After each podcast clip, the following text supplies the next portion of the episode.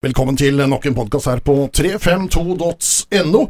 En podkast som egentlig ja, Vi hadde planer om å ha vinterferie vi akkurat nå, men eh, det var det du, Tommy, som eh, fant ut at uh, nå må vi ha en podkast, Kim. Ja, det syns jeg vi må. Det er jo nok å prate om. Det har jo skjedd veldig mye. Det var jo ikke det vi hadde forespeila når vi hadde siste fotballsendinga på Radio Grenland her da sesongen var over. Så regna vi vel med en rolig periode. Men uh, så plutselig så eksploderte det i helga, og det er jo nok å ta tak i, så da tenkte jeg at uh, da må vi kjøre en podkast. Da kjører vi en podkast. For på lørdag, uh, sånn uh, ja, rett før jeg skulle spise frokost, sier litt om hvor seint jeg spiser frokost på lørdager, så dukker det opp et TA-varsel. Jan Frode Nordnes får ikke fortsette i jobben.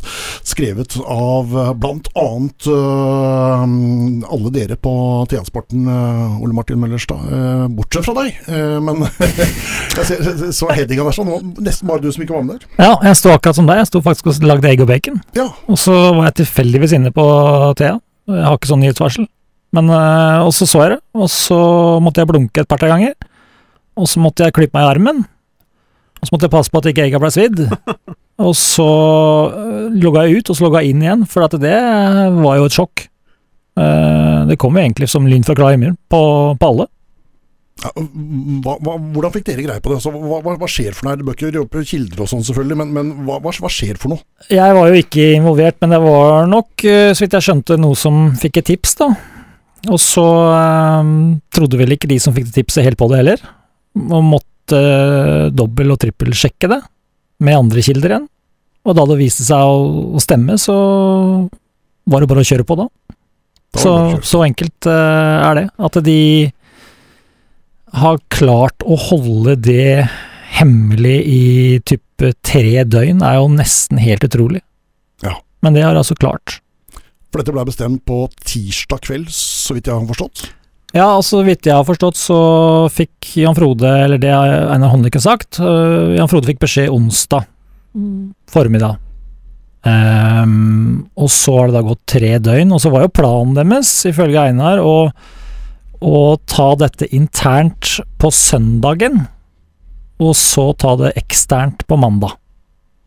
Så eh, det er jo litt naivt å tro at de skal klare det. De klarte det i tre dager, som jeg sagt, nesten utrolig. Ja, men at de skal klare å holde på det her i, eh, i fem-seks dager, det Ja, det er eh, litt som å tro på julenissen, egentlig. Så, og det virka jo som om de Det kan vi kanskje komme tilbake til, men altså at de eh, blei tatt på senga da de kom ut. Ja, Vi bør ikke komme tilbake til det, vi tar det med en gang. Fortell, hva mener du med det? Ja, det tok jo Vi skrev vel om det rundt klokka ti, tror jeg, lørdag formiddag. 10.05. Ja.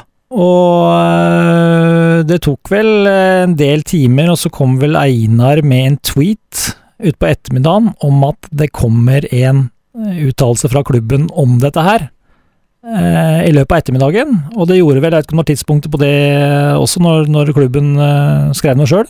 Men ja, 4.50 eh, kanskje, eller noe sånt nå. Ja. Så det tyder jo Det sier jo alt om at ikke de var eh, forberedt, da. At de måtte bruke så lang tid på en nyhet som alle snakka om i Ja, gjennom hele lørdagen, egentlig. Mm. Hva tenkte du, Tommy, når du så det? Nei, jeg fikk eh, sjokk. Eh, diskuterte litt med noen andre på fredagen, litt sånn om eh, Odd og sesongen og Jan Frode og eh, Det var jo noen som mente at han kanskje ville få rundt ti kamper inn i, i den nye sesongen, da, på å vise at han var rett mann. Og jeg sa jo da i den diskusjonen at jeg tror ikke han får sparken uansett. Jeg trodde han satt kjempetrygt. den så jeg ikke komme. Så den kom jo som lyn fra klar himmel, som vi sier, og ja, jeg var sjokkert. Jeg trodde nesten ikke det var sant. Så det var mange som eh, blei sjokkert. Jeg tror ikke det var noen som så den komme. Eh, og så var det jo sånn, selvfølgelig, som eh, for Odd sin del, så eh, det var mange som satt med sjokk rundt, men jeg tipper ledelsen og styret i Odd de kjørte noen vanvittige gloser når de skjønte at det her hadde nådd media, for det var jo tydeligvis ikke i planen overhodet. Eh, så de hadde nok noen stressende timer på lørdagen, de også, hvor det sikkert foregikk litt kommunikasjon med hverandre om hvordan de skulle løse det her, og hva gjør vi nå? Men eh, nei, jeg blei rett og slett sjokkert. Den, eh, den hadde jeg null tro på skulle komme, hvis noen hadde sagt det til meg. Og så skriver dere bare noen timer etter dere også på Thea Ole Martin, at uh, Nordnes har skaffa seg advokat. Da bare tenkte jeg uh, hvorfor det? Altså Men vi har jo forstått etterpå hvorfor. Ja, øhm, og hvis vi da tenker på at Jan Frode fikk beskjed på onsdag formiddag, kanskje, da, og det her går til lørdagen, og ingen vil bekrefte noe, så er det klart at dette her har pågått en stund, og at de antageligvis langt fra er enige. Og så tok det jo ikke så veldig lang tid heller før vi snakka med, med, kilder tett på eh, Jan Frode, at han var eh, lynende forbanna. Um, og da da blei jo to pluss to fire, holdt jeg på å si, og da skjønte vi jo hva, hva som hadde skjedd der. Og det var vel sikkert derfor også det tok kanskje litt ekstra lang tid også for Odd å skulle ut komme en uttalelse, da, for at man må holde tunga rett i munnen her. De er jo in, var jo i en, og er fortsatt i en prosess med, med han Frode. Så um, uh, Nei, det Og den er fortsatt ikke fortsatt ikke i mål. Nå snakker vi tirsdag. Ja, det er vel seks dager da. Og treningsstart i morgen, hvor da Jan Frode antageligvis kommer til å møte på, på, jobb, så det er jo en veldig kinkig situasjon som Odd har havna i. og Eh, det er vel det mange reagerer på, er jo prosessen eh, og hvordan ting har foregått her. Eh, og så vet jeg jo ikke helt, da. Altså det kom en, en pressekonferanse i går. Og det var nok tanken fra Odd sin side å på en måte klargjøre ting og rydde opp litt i ting, men mitt inntrykk er jo at de egentlig bare gjorde ting verre med den pressekonferansen. Det er noe av det merkeligste og rareste pressekonferansen jeg noen gang har sett. Hvor de da har en pressekonferanse hvor de benekter at treneren er sparka. Han er ikke sparka, men de har bestemt seg for å, å skifte trener. Eh, og på spørsmål om eh, hva skjer hvis dere ikke blir enige og Jan Frode møter på jobb, ja da møter han på jobb, for han er under kontrakt. Eh, hvis ikke vi da bryter kontrakten, sier vel Einar. Så det, det, var en merkelig seanse, og du så jo at eh, de virka både prega og pressa, både Einar og styreleder eh, Trond Haukvik. Så jeg skjønner at ikke det er noe lett situasjon de har havna i, men de har, eh, de har opptrådt eh, sett utenfra i hvert fall. Møllerstad kjenner jo litt mer til hva som skjer eh, i, i stadiongangene enn det jeg gjør. Jeg ser det fra utsida, men det ser veldig uprofesjonelt og uryddig ut. Ja, for, for denne pressekonferansen eh, det, det, var altså to mennesker som satt der som egentlig ikke kunne si noen ting, men som allikevel måtte si noen ting. Og de måtte hele tida passe seg, for dette er jo juridiske greier, Ole Martin, som hele tida passe seg for hva man sier, og, mm. og, hvor mye man sier, og i det hele tatt. For meg så kunne de like gjerne latt være å hatt den pressekonferansen. Altså, den ga ingenting.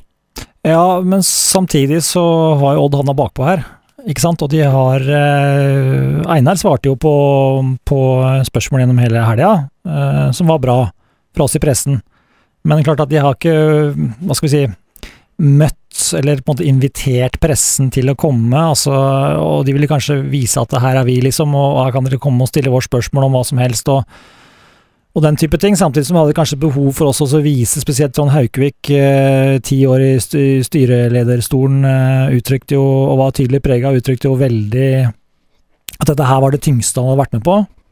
Eh, og de hadde kanskje også behov for det, da. Og så komme igjennom til folk med å fortelle hvor vanskelig de syns eh, dette her har vært. Eh, og det tviler jeg ikke på at i et sekund på at det har vært. Eh, og så er det jo litt sånn at den type prosesser har jo ikke Odd eh, knapt stått i. Altså Vi har 2007, er vel eneste gangen Odd har sparka en trener. Og det er vel knapt noen mennesker som er igjen i gangene der som var der i 2007. Så dette har ikke trening på.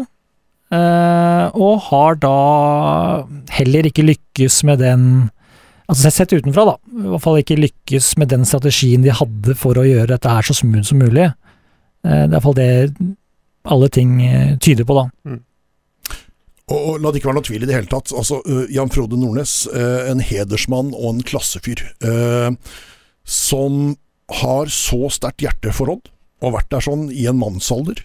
siden hva snakker vi 1998-99, som han skrev under for Ja, og det er jo derfor altså Hadde det vært en, en dansk 55 år gammel trener som hadde vært der i to sesonger og fått sparken, så hadde det jo ikke vært jeg tror veldig lite av det oppstyret også hadde vært i etterkant, og styreleder og dagleder hadde ikke sittet der med, med omtrent gråtkvalte når de skulle fortelle pressen hva som har eh, skjedd eller ikke skjedd. Eh, så det at Jan Frode er den han er, og har vært nesten hele sitt voksne liv i Odd 211 eh, matcher vel som spiller og jeg vet ikke hvor mange som assistent, men 63 eller noe sånt noe som, som trener. Så det er jo en markant figur i Odds historie. Uh, og som du sier, en uh, tvers igjennom uh, trivelig type. og tar imot alle der oppe med et smil og ja. god kommentar, og ja. ofte en klem før korona og i det hele tatt. Ja, til og med pressen er alltid, nesten uansett hvor dritt det går eller hvor lei han er av å svare på spørsmål, så stiller han alltid stilt opp. Tar telefonen, Svarer, er hyggelig, kanskje kommer en vits først, ikke sant. Altså, han er den typen. Mm. Så det også gjør jo at dette her er, er å bli vanskelig. Jeg tenker jo det at uh, jeg skjønner at Odd kom bakpå i og med at uh, de hadde jo tenkt å kjøre en prosess uh, ut mot media på mandagen, en pressekonferanse, og så kommer nyheten i, Thea på lørdagen, og så skjønner jeg at de er bakpå. Og så tror jeg at de har, eller det vet jeg jo, at de har bare gode intensjoner med den pressekonferansen som de hadde i går. Men så tenker jeg litt sånn, hadde de trengt å ha den pressekonferansen. Eh, fordi det er jo ikke uvanlig det, eh, når trenere er i en prosess til å bli sparka. Så, så, henger jo media på. De, de står på utsida når det er styremøter, de følger på. Ofte så er det jo da ingen kommentar, ingen kommentar, eh, til det på en måte har tatt en avgjørelse og det kommer en løsning.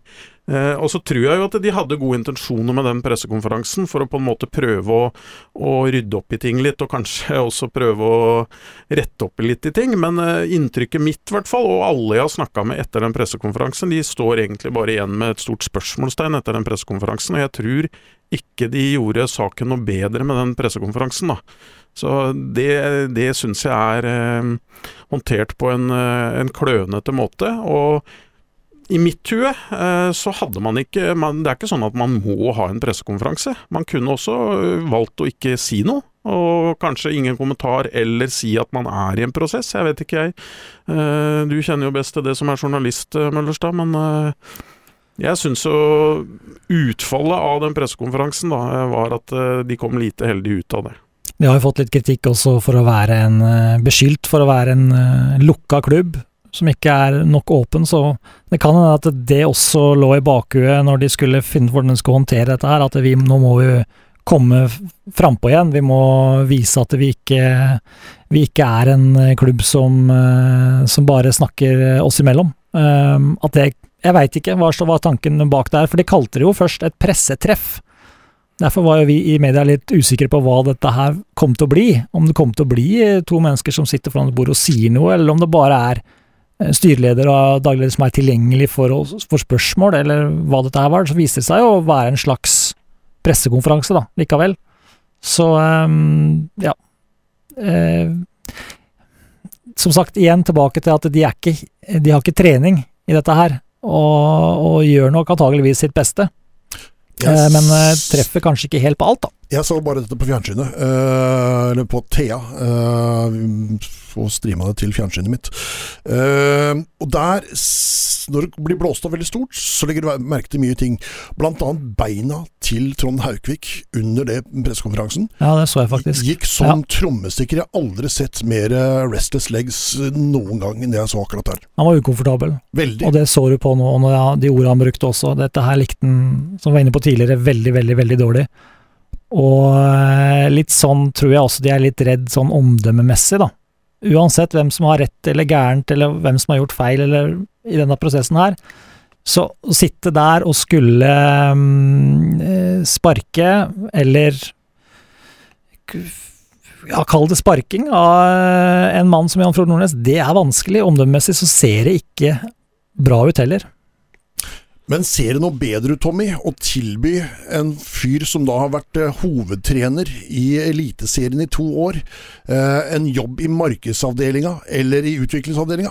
Nei, det gjør jo ikke det. Eh, og det er jo nok det så mange reagerer på også. Og så, så tror jo jeg Jeg tror på hvert ord som Håndlykken og Haukvik sier, at, at de er glad i Nordnes ja, ja. og alt det her. Eh, og at de, de har nok gjort det her også med beste intensjoner. Samtidig som jeg også tror de har prøvd å være litt smarte for å slippe litt billigere unna økonomisk. For det er ikke noe tvil om at det, det å sparke en trener, det er kjempedyrt. Eh, og det vil jo Odd erfare nå. Det er jo derfor de ikke er enige nå, ikke sant. Fordi det koster å sparke en trener. Eh, og ikke nok med det, det koster å ansette en ny trener. Så det her blir et eh, dyrt spørsmål for Odd. Som antageligvis kommer til å gå utover spillejakta som de skal inn i nå. Det kommer vi sikkert litt tilbake til etterpå også, men det er klart at det er noen spillere på vei ut. Hele klubben skriker etter forsterkninger inn. Og det kan, det kan, avhenge av hvor mye de må punge ut med nå. Så jeg tror også det har vært en liten tanke der om at det er rimeligste måten å, å løse Nordnes fra kontrakten. Eh, så det tror jeg også har vært en tanke oppi der. Men det er det samme som å si til deg eh, at på mandag, eh, Møllers, da skal du begynne å, å kjøre ut den avisa om morgenen. Det er det vi kan bruke deg til nå. Ja, snakker i bilder. Uh, ja, selvfølgelig er jo en uh, Du hadde ikke godtatt det? Uh, nei, det hadde jeg nok ikke gjort. Men det er litt forskjell på det. At, men altså, klart at en fotballtrener nå vet ikke jeg, det var jo snakk om en kombinert, så jeg skjønte, da, litt marked og litt jobb i utviklingsavdelingen, men det er klart at uh, Jeg tror nok at Odd gjør nok ikke bare det for å være grei, de deler nok ikke bare ut en jobb til Jan Frode for at du er så fin fyr, men at de kan ha bruk for han. Altså, han er jo et vinnende vesen, jeg tror han kunne gjort en jobb, eh, men jeg skjønner jo veldig godt også at han kanskje ser på det som en fornærmelse. Mm. Eh, men så er det da hva ellers skulle han på en måte jobba med? Han kunne jo ikke gått ned som assistent igjen. Han kunne jo ikke blitt sportssjef som skulle vurdert den nye treneren som kommer inn. Hvor er det plass til den? Så det må jo ha vært en tanke for Odd da, at uh, vi har bruk for deg i, kan ha bruk for deg i markedsarbeidet vårt. Litt sånn som kanskje de tenkte med Fevang den gangen han uh, la opp. Da fikk vel han en jobb i markedet også. Uh, det varte jo ikke så veldig lenge, men uh, det er vanskelig å si hva tanken er. Men jeg tror ikke Odd liksom gir bort jobber for å være grei. Eh, så mye penger er ikke i systemet der oppe. På pressekonferansen i går så kom det da fram at styret har gitt Einar Håndlykken mandat til å håndtere eh, omstillingen, sparkinga, som jeg kaller det rett ut, av Jan Frode Nordnes. Etter det så er Jan Frode Nordnes lynende forbanna, og vært det i flere dager, og har advokat. Hva har skjedd her, Tommy? Ja, Det er et veldig godt spørsmål, Kim, og det, det, vet jeg rett og slett ikke. Altså, Jeg kjenner ikke Odd godt nok fra innsida til å kunne mene så mye om det, men, eh, men det er klart at han føler seg sikkert eh, på en eller annen måte veldig urettferdig behandla. Uh, og så tror jeg kanskje at det, det med den uh, tilbudet om en annen type stilling uh, har også vært en liten sånn provokasjon. men man må jo stille Jeg tror ikke han blir lynende forbanna pga. det. Så en må jo stille noen spørsmål og gjøre seg noen tanker om hvilken prosess som har vært gjort overfor Jan Frode, da. men det, blir jo, det er jo det som blir spennende, for etter hvert her så kommer jo han til å snakke også. Kan godt hende han venter til en løsning er på plass. Men uh, da vil jo vi få høre Jan Frodes sin versjon. Uh, og så er det klart at han, uh, han er jo en, en, klubbmann. Selv om han er vestfolding, så, så, har han jo spilt i Odd og vært i Odd i mange, mange år, så han kommer nok til å være relativt snill. Jeg tror ikke han kommer til å gå ut og være beinhard mot, mot, Odd, men han kommer nok til å si noe om prosessen og hva han på en måte føler eventuelt er urettferdig. Altså, Tror du ikke vi får en Rossbakk her? Nei, det, det, tror jeg ikke. Eh, Eh, Jan Frode er jo ikke den typen, og det er jo litt sånn Jeg har jo stått her og, og skrytt han mange ganger i studio til Radio Grenland, måten han opptrer på. Eh, det er noe av det jeg har likt best med Jan Frode. Det er eh, han er I intervjuer etter kamper så er han bånn ærlig. Eh, det er aldri noe klaging på motstanderne, hvordan de spilte, eller eh, dommerfeil, eller Han er bånn ærlig, eh, og er en veldig sympatisk fyr ut, og svarer utrolig godt for seg i media. Så er han ikke noe sånn han er jo ikke noen sånn profil, sånn som Fagermo var, som melder hit og dit og på en måte kanskje trekker noen ekstra folk på stadion, men han er, eh, han er veldig sympatisk, og han er bånn ærlig, og det er sjelden noe sutring eh, når det har gått dårlig. Dette her har altså vært på bakgrunn av en, en sportslig evaluering, Møllers. Eh, hvor da mm, både spillerne og trenerapparat og alt har kommet da med, med mm, hva man har evaluert sesongen etter. Eh, og så lander det da på at det er Nordnes som må gå. Og dette er jo ikke noe som uh, måte alle spillerne jeg har prata med, uh, uten å name-droppe noen der, så, så, er det jo ingen som har sett dette komme. De er sjokkerte. Noe må ha skjedd i kulissen her. Ja øh... Om det har vært på styrenivå, eller om det har vært på sportslig nivå, eller hvor dette har vært, noe må ha skjedd. Ja, det, det, det jo, blir jo bare å spekulere, egentlig. Men øh, hva skal vi si, ja? Til syvende Altså, vi kan jo øh, si at Tar du resultatene da, isolert sett Nå har jo Odd gjennomført sin dårligste poengmessig vel eliteseriesesong siden de 07. Ja, siden 07. Og de har vel åtte seire på siste 37 eliteseriekamper. De hadde to bakkerekorder i baklengsmål to år på rad. Eh, så isolert sett så er det jo grunner for å si at eh, det Altså, det peker nedover. Eh, og så er det jo da et spørsmål. Einar sa vel det, jeg hadde et intervju med han i går, og han sa vel det i en setning der at at uh, altså når de da De trengte en mann på til gjen, gjennomføringsevne eller noe sånt til å få den skuta på rett kjøl igjen.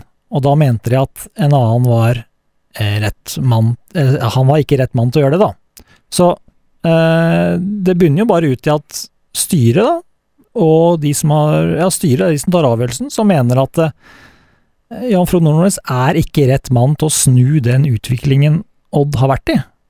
Eh, punktum. Ja, og det, det, som jeg, det, som jeg, lurer litt på, er jo eh, fordi Og så vet jeg jo, det er jo sånn at enten så har du tillit, eller så har du ikke tillit. Det er ikke sånn at du har litt tillit. Men sånn som jeg har opplevd, hvert fall eh, alle intervjuer og uttalelser fra håndlykken og fra andre i Odd eh, etter, altså underveis i høstsesongen og etter sesongen, så, så virka det som at de, de sto de sto med Jon Frode. Det, det var han, han hadde tillit, og han skulle på en måte fortsette jobben. Så jeg lurer jo litt på hva som egentlig har skjedd der. Eh, fordi det er klart at timinga er jo fryktelig. Eh, altså I morgen så begynner sesongoppkjøringa. Timing er forferdelig. Da. Ja, det er, det er, en fryktelig timing. Og, og, det er litt sånn Ja, jeg vet at sesongen har varte lenge. Eh, men allikevel så, så, så, burde det her vært satt i gang på et tidligere tidspunkt. Altså prosessen burde begynt tidligere, sånn at de hadde på en måte kommet med den avgjørelsen de har kommet til nå, på, ja, et, på et tidligere tidspunkt. Men tror du ikke den evalueringa har vært mens spillerne fremdeles var i klubben før de ble sendt på juleferie? Ja, Det virker jo ikke sånn da, når du hører, hører de uttaler, så det, det, er det, det, er det, jeg stusser litt over. og Jeg, jeg, jeg skjønner ikke hvorfor ikke den ble satt i gang eh, dagen etter, eh, etter serien var ferdig. Eh, Kunne for så vidt tatt den dagen etter nest siste serien, da, for da var de klare. Etter Stabæk var det klart. Ja, ja, da burde den vært satt i gang. Eller før Stabæk, mener jeg. Da hadde de vært noen uker i forkant her, sånn at de Eh, om ikke de hadde klart å ansette en ny hovedtrener til eh, sesongoppkjøringa begynner i morgen, så hadde de vært veldig nære. De hadde vært langt i den prosessen. Eh, og, og timinga er grusom i forhold til at eh, i morgen så starter treningene. Og de, de har en trener de ikke ønsker å ha. Han kommer til å møte på jobb. Eh, det er ikke noe løsning der. De har ingen sportssjef. De, de har ingen eh, spillere som er signert inn. Jeg syns også sett utenfra at de har virka passive, og så kan kanskje sånn litt når jeg ser etterpå, at det kan være en årsak til at de har vært litt passive. Jeg ser jo Nordnes var jo ute i noen intervjuer også før, før jul, og de var, ikke, de var, ikke, nær å lande noen spillere da, sa men de hadde is i magen, og de kom til å bruke tid på det. Og det syns jeg er rart, fordi nå begynner sesongoppkjøringa i morgen, og da er det viktig å på en måte ha spillere på plass. Og jeg ser jo mange andre klubber i Eliteserien nå har allerede henta både to og tre forsterkninger og er nære å lande flere. Så de er bakpå på alle mulige fronter. Og det er klart, hvis du ser de to siste sesongene Se den høstsesongen Odd hadde, med nedrykkstempo de luxe. Eh, Bakengas vårsesong som, eh, som redda de, ellers hadde de vært et Obos-ligalag nå. Eh, og ingen sportssjef, ingen hovedtrener på plass. Ingen spillere signert. Det er vel ikke lenge til de skal spille en cupkamp mot Molde. Altså, de har drit dårlig tid, for å si det rett ut. Ja, her brenner det. Ja, her brenner det. Det brenner på dass. Og tidspunktet, altså øh, Jeg, jeg synes Det er jo der timinga og tidspunktet er som, som, som, også skurrer veldig fælt, som du sier, Tommy. Eh, nå, nå, har man satt i gang med i, de guttene her de har hatt møter på kontorene der oppe. Knut og Martin og Jan Frode og, og, og Morten har avtalt at nå skal vi til Spania da og da. Vi, skal gjøre, vi må bli bedre på det og det. Vi må gjøre sånn og sånn. Eh, alt dette er i gang. Alle planene er lagt for hva de skal begynne å trene på i morgen. Og så får han sparken idet det skal starte. Ja, det som Tommy har vært inne på her, det går jo an å stille spørsmålstegn ved, ved som sagt eh, timinga. Altså at eh, de kanskje burde de skjønt eh, at dette kunne bli utfallet allerede i oktober-november. At vi kunne, kan hende vi ender opp med å, å, å ønske å fjerne Jan Frode, og at man da kunne skjønt at det kunne endt med det, og starta prosessen mye tidligere, da. Eh, og det er klart at Én eh, ting er jo det Jeg tror jo Martin og Knut og de klarer å, å gjennomføre treninger i, i et par-tre uker, men det er klart at det er jo andre ting, sånn som dere var inne på her med spillere også. så det var jo han, eh, Vi hadde en sak nå med han jeg glemte navnet på han Skeidspissen, som har dunka inn mål. Abel William Stensrud. Ja, han øh, har jo et fristet tilbud fra Odd, han. Og Så fikk vi kontakt med agenten hans i går, André Skei Lindbekk som sa det at uh, nei, ja, men han vil jo gjerne vite hvem han skal spille for, hvilken trener han skal spille for, så den er tydeligvis da lagt på is.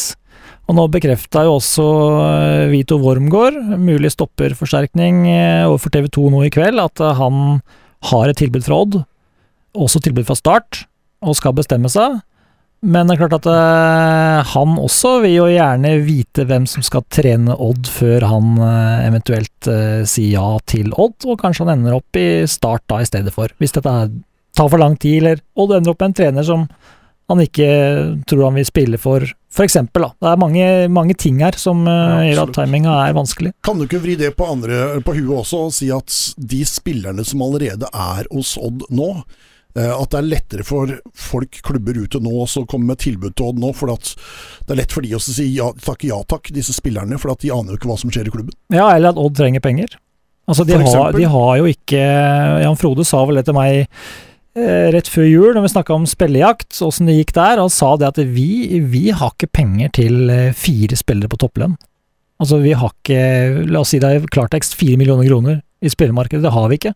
Så vi må være nøye med hvem vi eh, vi velger ut. Så klart at den potten som eh, Odd har til rådighet til typ eh, trener, spiller, logistikk, den, det, er ikke, det, er ikke, en pott som står der som sier 'den her har vi i tilfelle vi må sparke en trener'.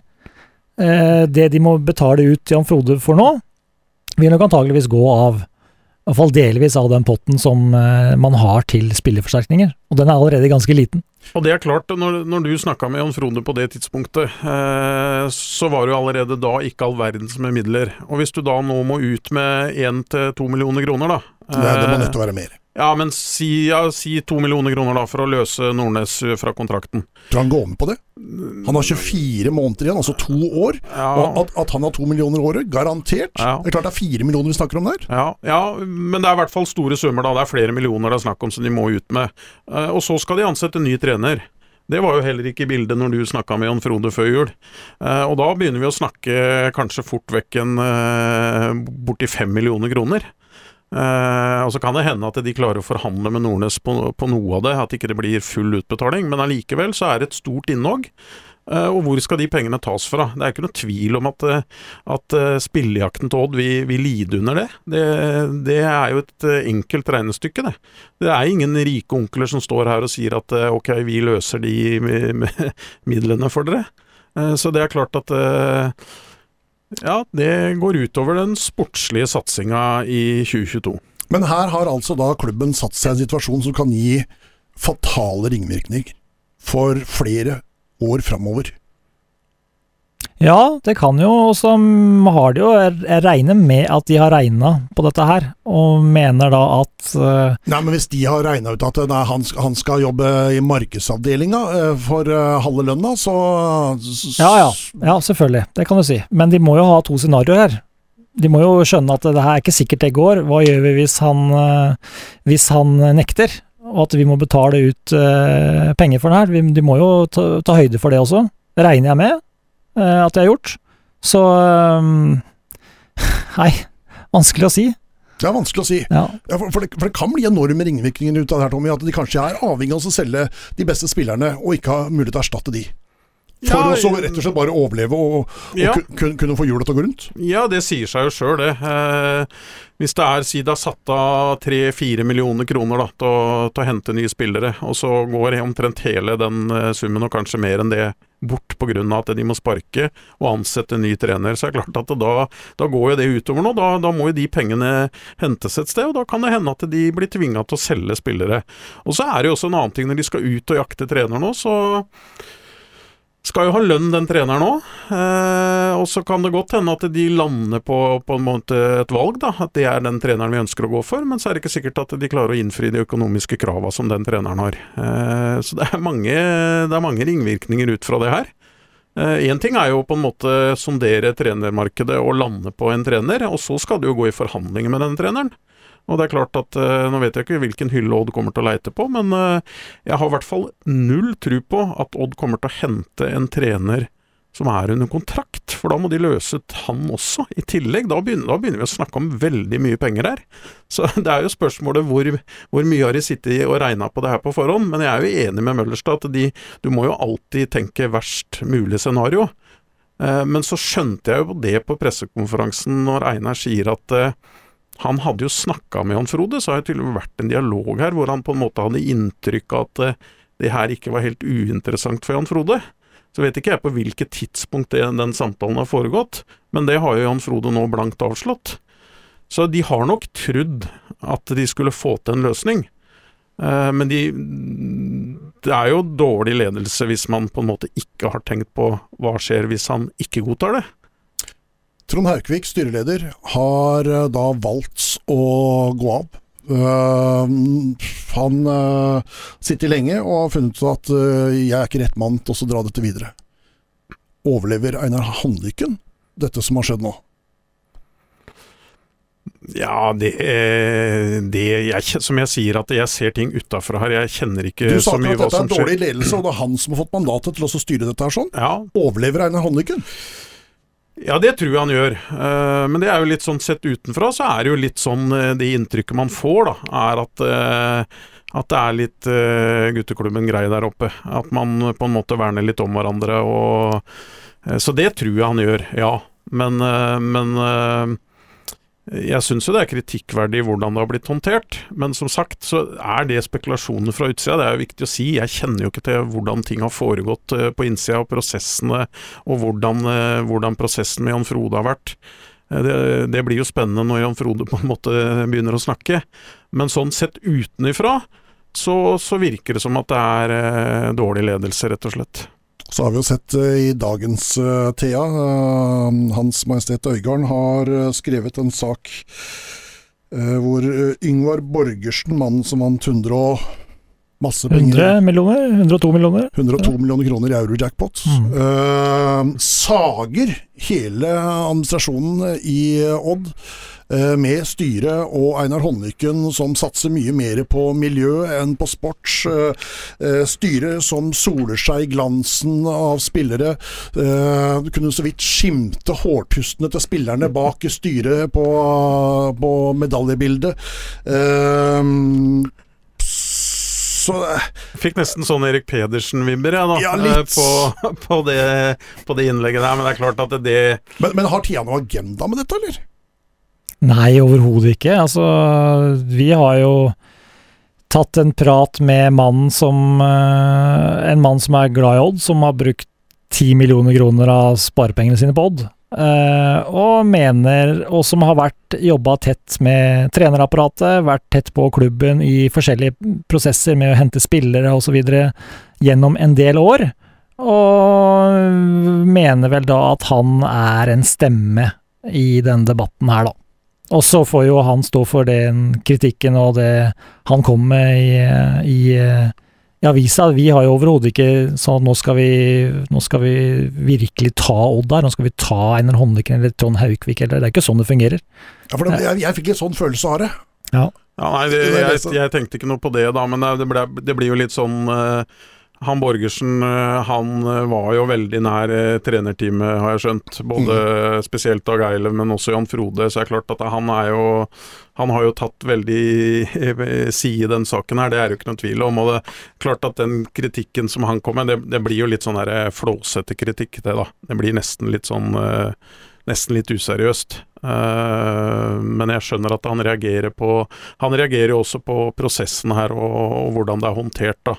Men, eh, men jeg tar ikke den egentlig sånn Den er litt sånn flåsete, den kritikken der, syns jeg, da.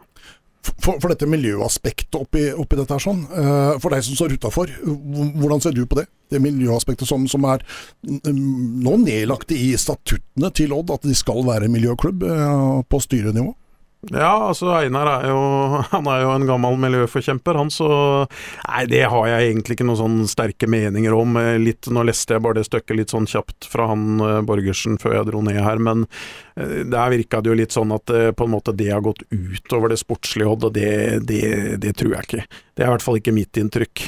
Nei, snarere vel tvert imot, når du ser på hva da Skagerrak og Torbjørn Omnes har vært inne da i klubben på grunn av eh, disse miljøtiltakene.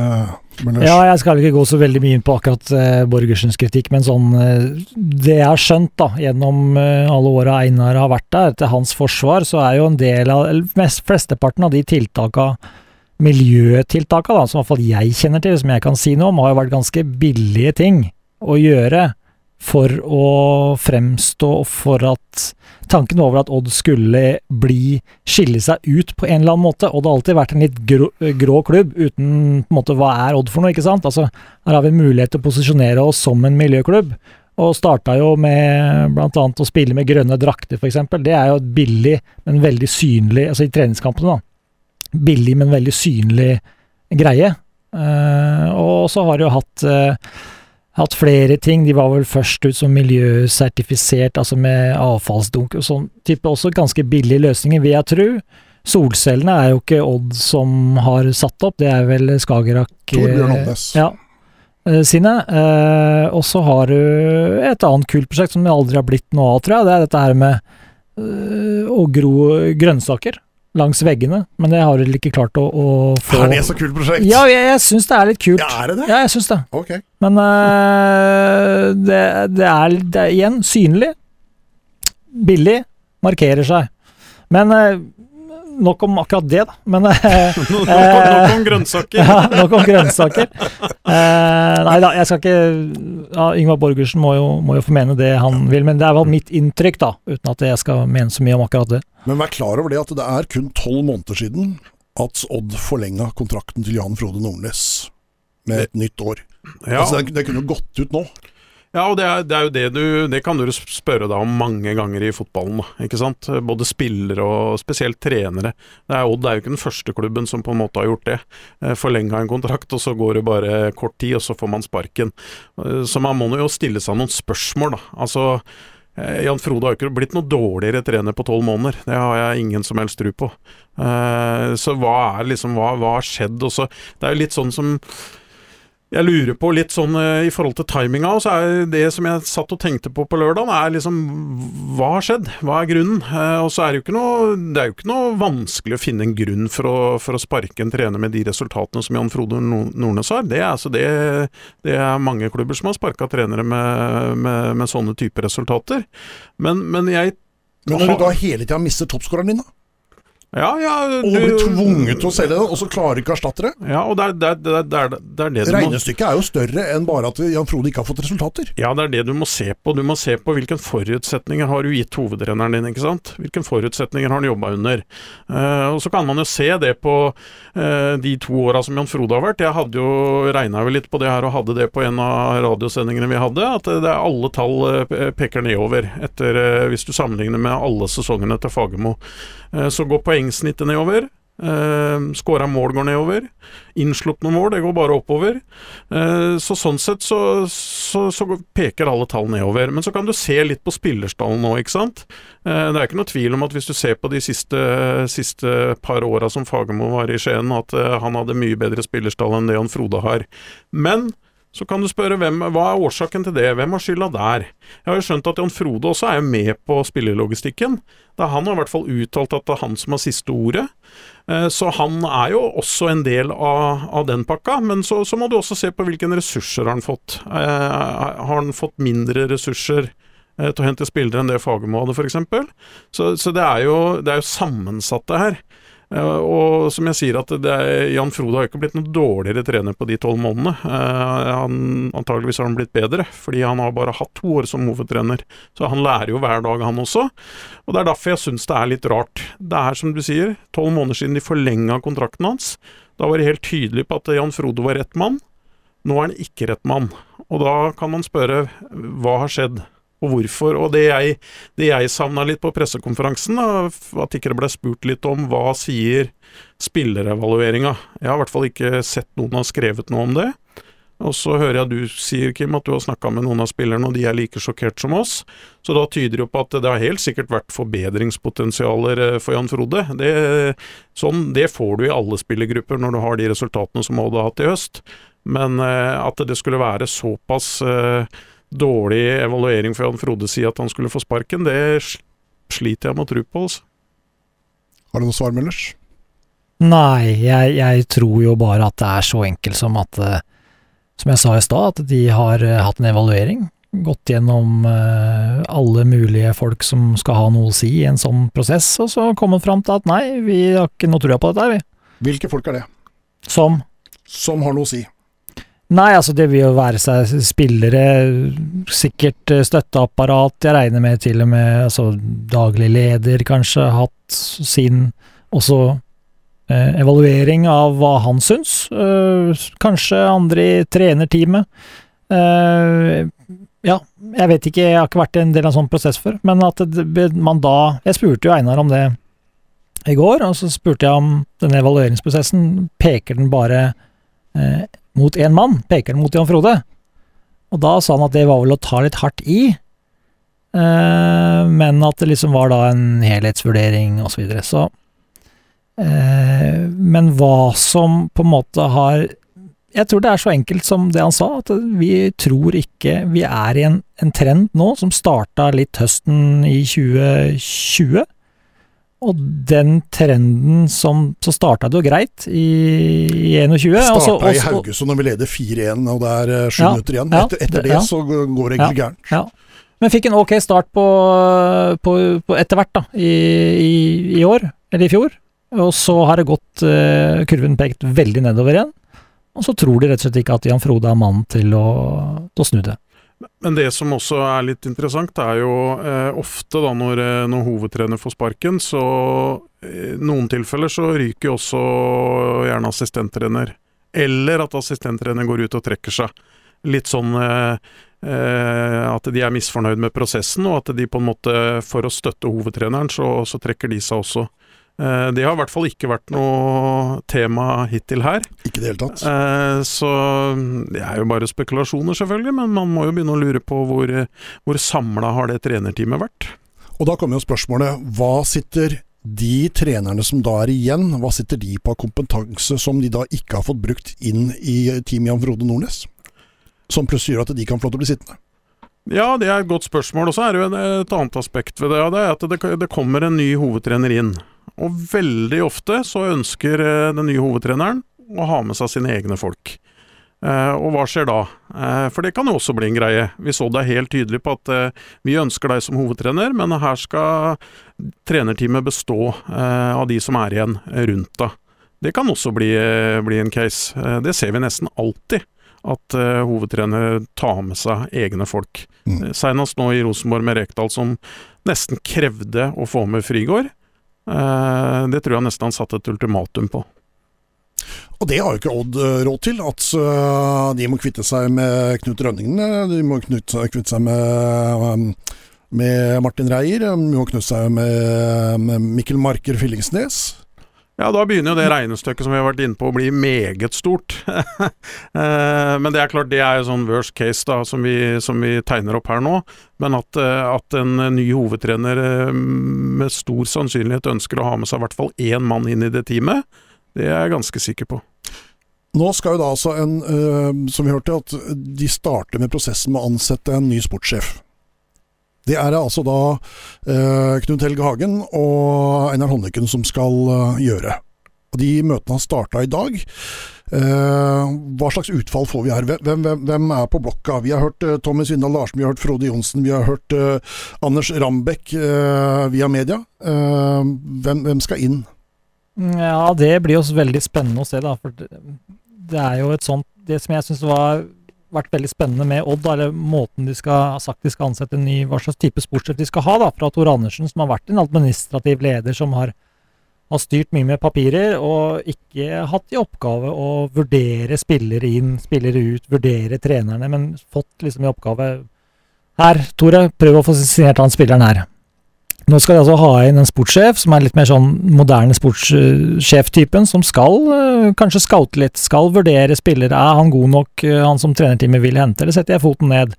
Til og med kanskje vurdere trenerteamet, ikke sant? Altså den typen. Eh, og det er jo eh, En sånn type kan jo være med på å forme egentlig hvordan Odd skal se ut. Hvordan han vil at Odd skal opptre, hva slags type fotball vi skal spille, all den type her. Men nå, i og med at de utsatte den jakta da, i fjor høst, for det var da de egentlig skulle gjøre det, men pga. dårlige resultater, så ville det fullt fokus på det. Så har de venta til nå. Og så skal de i gang med den prosessen, og så plutselig så får Jan Frode Nordnes sparkinga i fanget, og så skal de da ansette to ganske heavy eh, stillinger eh, samtidig. Og her burde jo helt klart, eller folk gå stille spørsmål ved om ikke en sportssjef burde vært på plass allerede nå, som kunne da fått lov å påvirke hvem er det jeg tenker at burde trene Odd.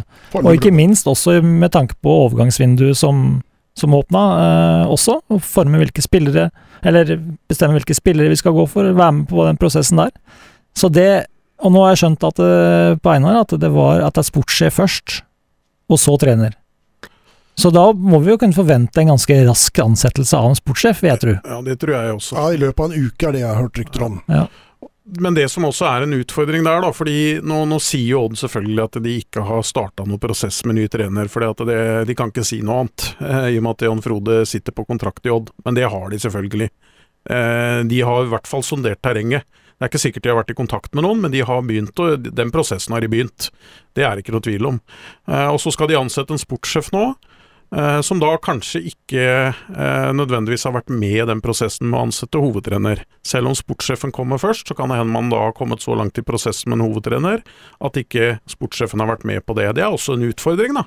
Eh, det har vi sett i andre klubber. At en sportssjef jobber med en trener som i utgangspunktet ikke er dem, deres mann, da.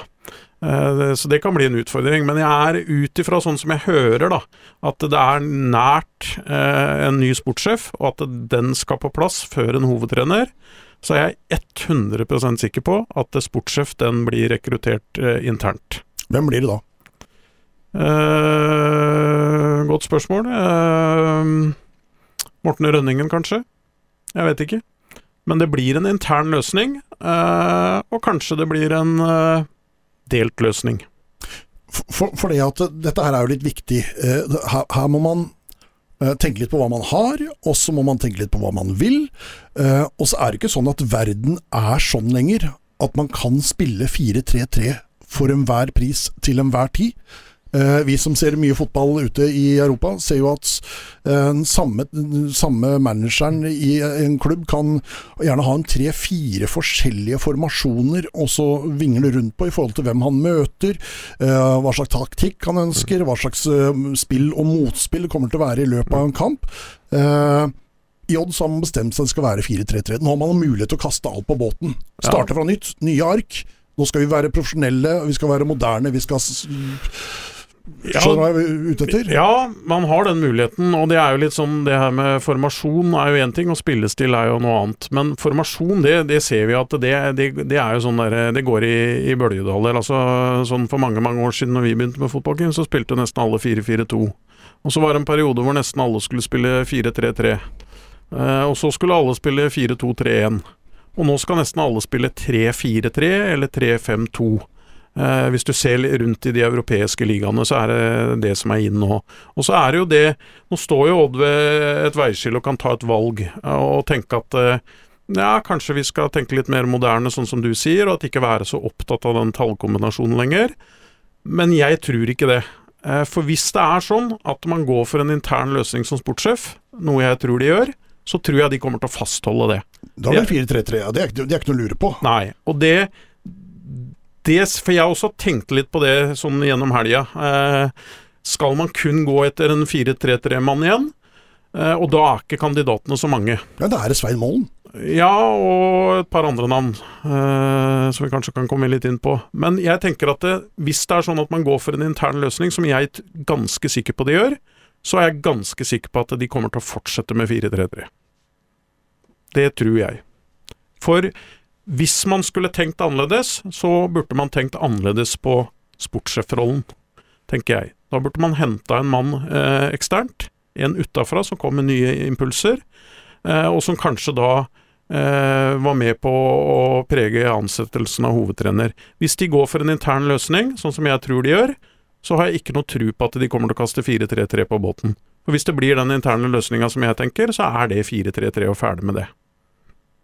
Det er det jeg tror. Tanker, Møllers? Nei, jeg er enig med, med Tommy, jeg. Også jeg Jeg tror eh, Det er veldig som Det er jo veldig spennende, da. Men jeg, kanskje er det litt for mye nytt, da. Hvis man skal hive alt eh, den historia med fotballen, og, og stallen er jo for så vidt ganske rigga mot et 4-3-3-system også. Um, så jeg tror det sitter langt inne Nå jo, skal jo sies at Jan Frode også eksperimenterte litt på slutten i fjor, og hadde noen litt Mm. andre tallkombinasjoner, og forsøkte det, så jeg tror nok at det, man er vel ikke sånn at man må spille 4-3-3 med breie vinger og indreløpere i full vigør og alt det grann der, men at eh, det er noe innenfor det eh, Innenfor den stilen der er ønskelig, det vil jeg tro. For det er litt sånn med Odd at det, det gjøres ikke så store eh, forandringer. er liksom litt som, å, som jeg har sagt før, som å, som å, når de skal gjøre noe, så er det liksom å snu danskebåten. Det tar veldig lang tid å få den eh, skuta til å snu. Så eh, jeg vil nok tro at de ender opp uansett i det segmentet der, som type Ja, kanskje Svein Målen da, ville jo vært Han er jo, så vidt jeg vet, i hvert fall arbeidsledig Enn så, Eh, enn så lenge. enn så lenge. Han er vel ønska i Trondheim òg. Ja, eh, Rekdal har vel hatt noe møte, men eh, har vel lekt ut i Trondheimsavisene. Men en annen ting også som taler mot å på en måte tenke helt nytt, Kim, er jo at vi, vi står nå i midten av januar. Eh, treningene begynner i morgen. Det er ikke så lenge til cupkamp og seriestart. Og hvis du da i tillegg til å ha ny sportssjef, skal ha ny trener, Ny filosofi. du. Ny filosofi, og så skal du hente nye spillere, for de har en stall som Ja. Møllerstad sier, som er rigga til 4-3-3. Jeg har egentlig det med de kantspillerne Odd har. Ja, men i utgangspunktet så, så har de jo det, da. Så det, det, det blir veldig store omveltninger på veldig kort tid. Og det har ikke Odd tid til, rett og slett. Så det taler imot. Jeg har ingen tro på det. Eh, Da måtte denne prosessen kommet mye tidligere, eh, sånn at han hadde bedre tid til å få inn en hovedtrener og en sportssjef i god tid før, eller før eh, preseason begynner. Sånn at man kunne begynne å jobbe med det. For det er klart, det tar tid å, å sette det på treningsfeltet. Trene på ny formasjon, kanskje endre noe på spillestil. Det har ikke Odd tid til. Hvem blir det da som eh, man kan hente internt av Ole Martin Møllerstad? Til sportssjef. Mm. Eh, nei, da er det jo naturlig å peke på spillelogistikksjef Thomas Skilbre. eh, Og en type Morten Rønningen, vil jeg tro, som, eh, som har eh, både et vanvittig kontaktnettverk, og som, som kjenner eh, de fleste prosesser i fotball, som har jobba som en slags eh, altså administrativt med, med mye tidligere. Eh, vært innom landslag eh, og kjenner klubben ekstremt godt.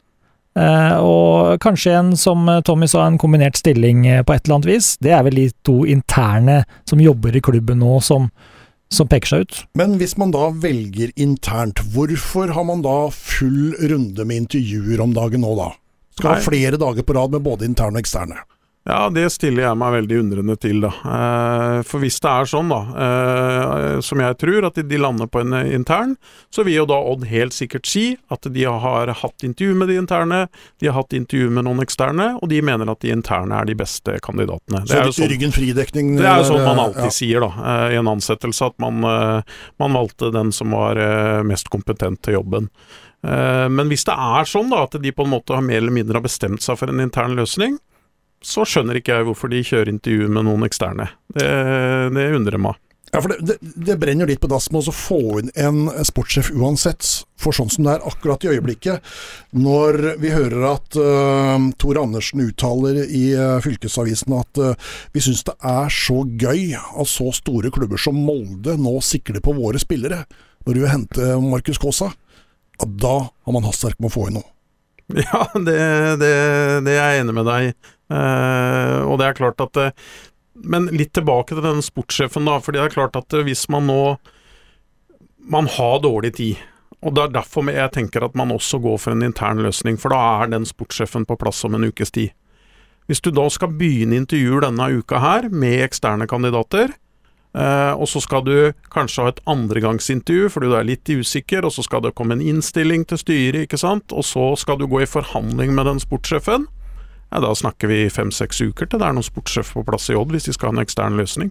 Ja, øh, jeg har litt insight på det, og der sier de at de, vi forventer at sportssjef skal være på plass øh, i løpet av en uke. Ja, og da er det en intern løsning, det er det ikke tvil om. Det, de, de, rekker jo ikke å få på plass en ekstern øh, hvis de begynner med intervjuer denne uka her. Det er ikke mulig å få til det. Nei, du skal jobbe godt. Eventuelt om de har bestemt seg for en sånn semi-intern, da. Type Frode Johnsen. Ja. Eller eh, ja, Tommy Svindal, eller som kjenner klubben godt, og som egentlig bare kan ta med seg PC-en hjemme og så rusle bort. Å, ikke begynne å rote med PC-er og Tommy Svindal Larsen, det går gærent. Snakker erfaring der. da, må, da må du ha noen ved siden av seg som hjelper han hele tida.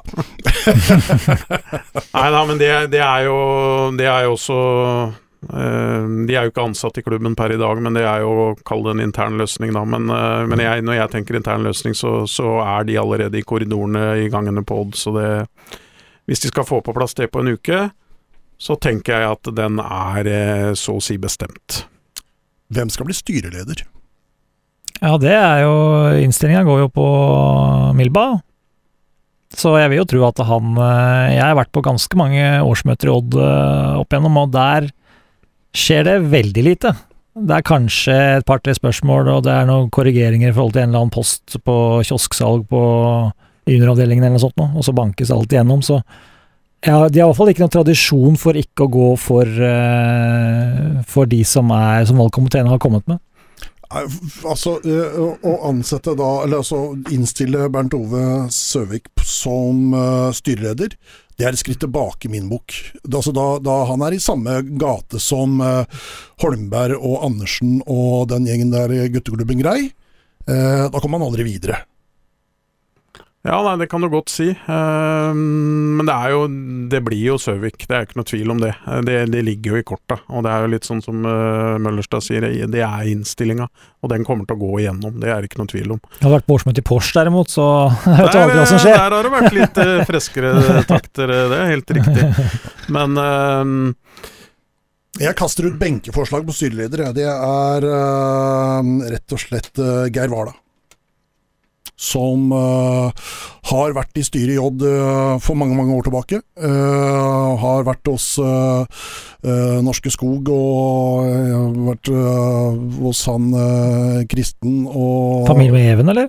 det er broren til Even. Ah, ja. Helt korrekt. Ja. Stor, Storebroren til Even. Ah, ja. Er du medlem, medlem av Kim? Nei, jeg er ikke det. Nei. Jeg er ikke det. Men uh, det er vel ikke for seint, er det det? Nei da, det er aldri for seint. Kim kupper hele årsmøtet ja, men det uh, er Det er ikke vanskelig å få til heller. Det er bare å få med deg en 10-15 mennesker opp eh, som stiller motforslag, så blir det banka gjennom. Nå er, det, det er ikke verre enn det. Nå er herved styret i Odd advart. ja, men det er, ikke, det er ikke greit. jeg har jobba med han, for han jeg vil ha noen andre. Men det er min mening. Hvem skal bli trener, Møllers?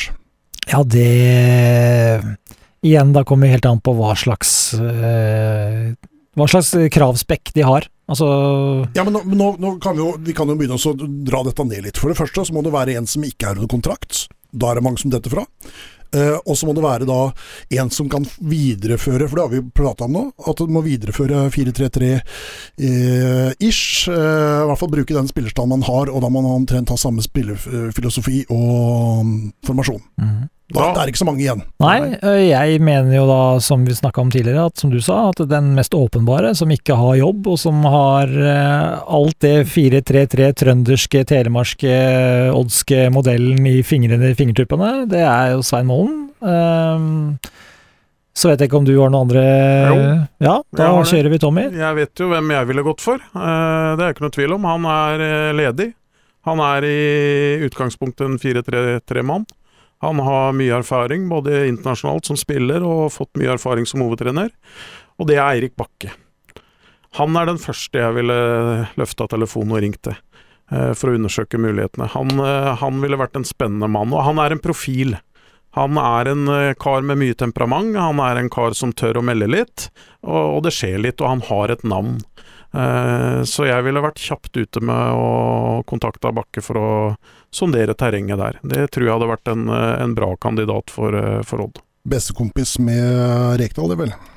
Ja, ja de, han, blir, han blir i hvert fall ikke assistent i Trondheim, det er i hvert fall helt sikkert. Men han har også helt eh, ok resultater med Sogndal. De har ligget og kjempa i toppen og vært rundt playoff eh, hvert eneste år. og det, Han har vært eh, god med unge spillere, og så var det en periode hvor de på en måte gikk litt vekk fra det i Sogndal, og man satsa på en eldre og mer erfaren eh, spillerstall, henta litt spillere utefra. Det ble ikke noe sånn kjempesuksess, det, men han har eh, han har OK resultater, og han har nå fem-seks år eh, erfaring som, eh, som hovedtrener. Så det er absolutt et spennende navn. Jeg er litt overraska over at han er veldig lite nevnt blant kandidater i media, sier jeg.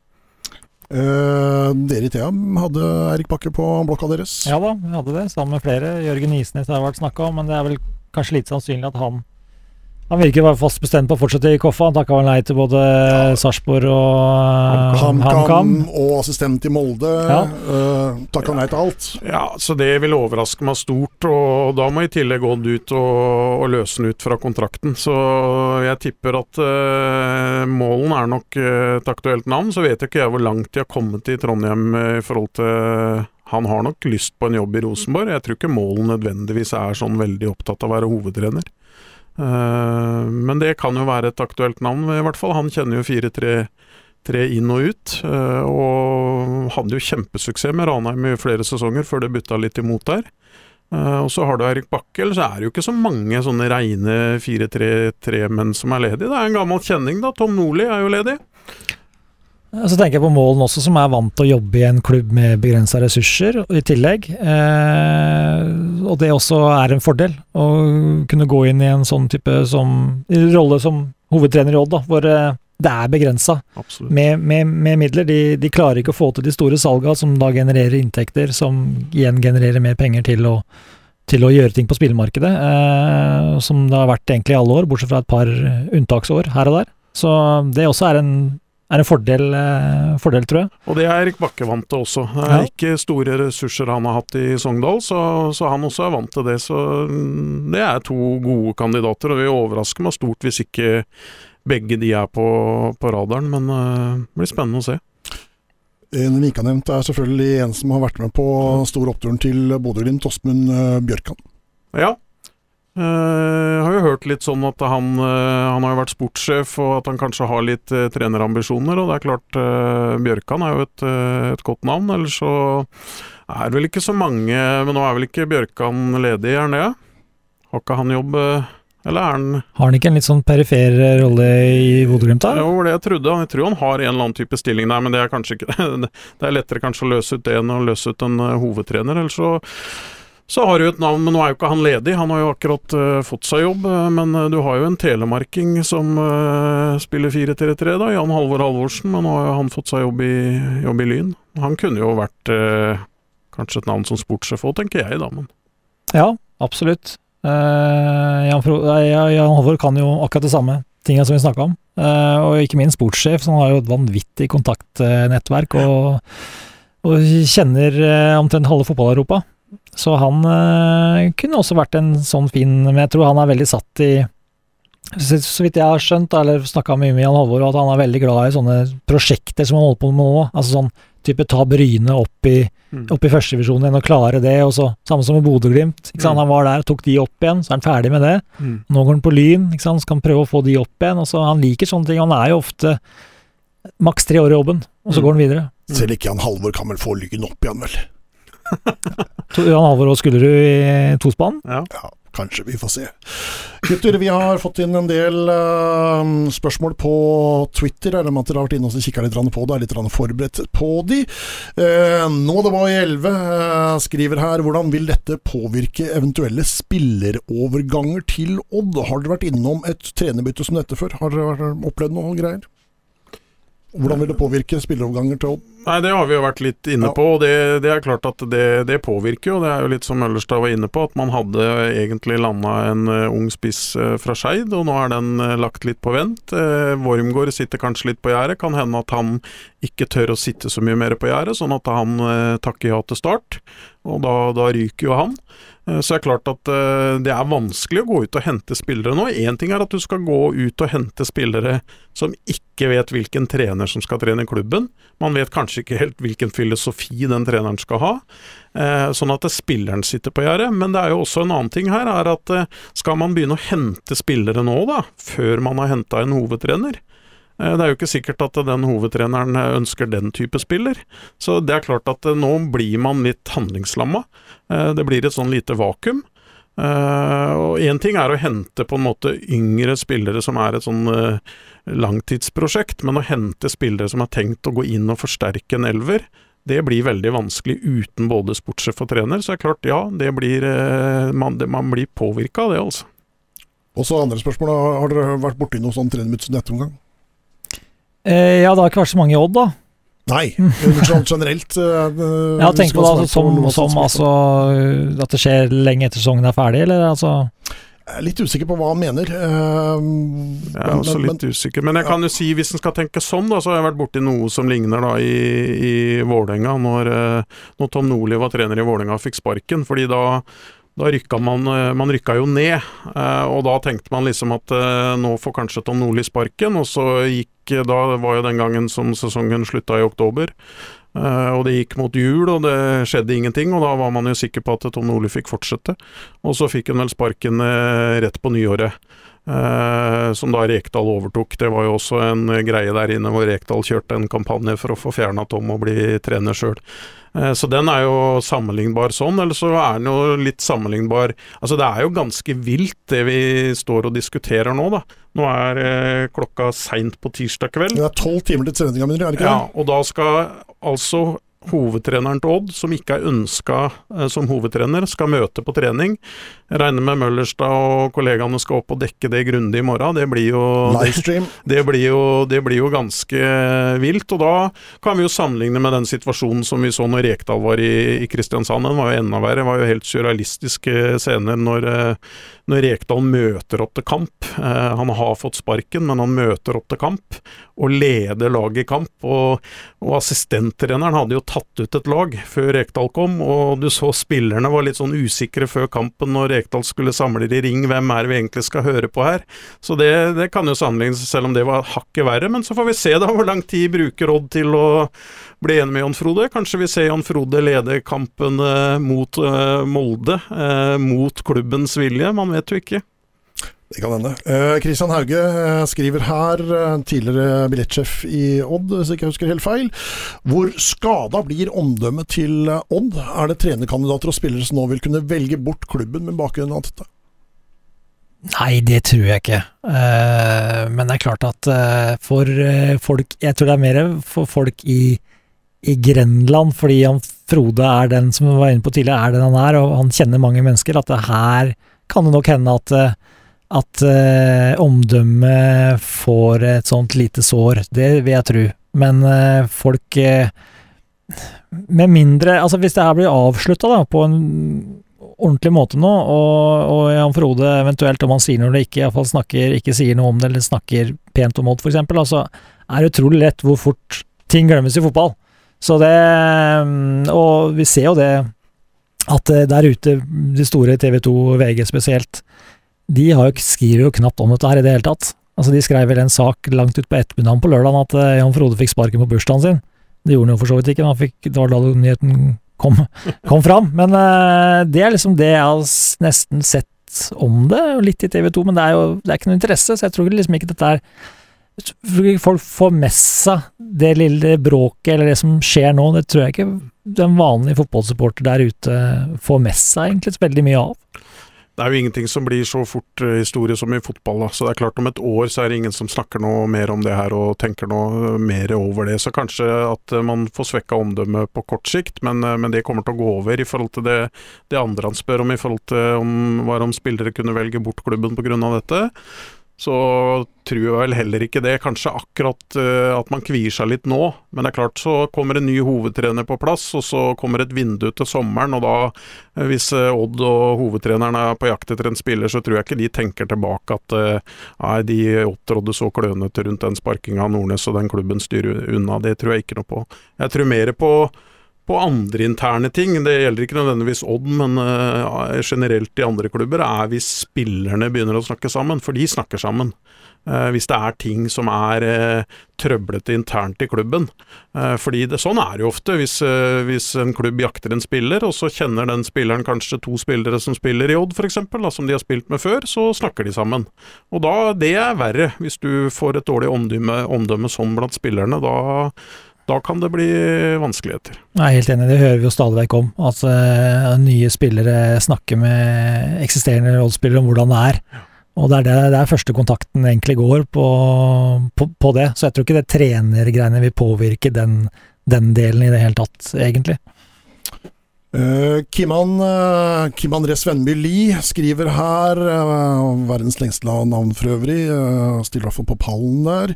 Hva syns dere om at Lars Bohinen er en kandidat for Odd? Ja, og da er spørsmålet mitt er han det? Ja. Eh, fordi jeg ser at media spekulerer i det, men det er jeg ikke så sikker på. Men eh, Lars er jo en som har erfaring både som sportssjef, han har vært sportssjef i Vålerenga, vært eh, sportssjef i Stabæk. Det var jo veldig suksess i den perioden han var sportssjef i Vålerenga. Og han har god erfaring som trener og har hatt, uh, hatt gode resultater med, med, Sandefjord. Han hadde en veldig sterk høst med Sarpsborg, og jeg vet at spillergruppa i Sarpsborg var uh, særs fornøyd med Bohin som trener. Ja, etter, etter, at han ble fristilt, så så, så, så ikke Sarpsborg seg tilbake. Nei, det var jo fantastisk med ja. Jonathan Linseth i, i, spissen. Ja, absolutt. Så, så, han har jo vist at han kan levere både som sportssjef og, og, som trener, og han er jo en profil, det er det jo ikke noe tvil om. Uh, men han har har en litt annen uh, filosofi og uh, både formasjonsmessig og spillestilsmessig enn det Odd uh, spiller. Og så er han Han er jo litt omstridt, Lars. da. Han, han, slenger litt hit og dit, og han er ikke redd for å mene noe. og Jeg tviler jo sterkt på om, om Odd går for en sånn type, men ja.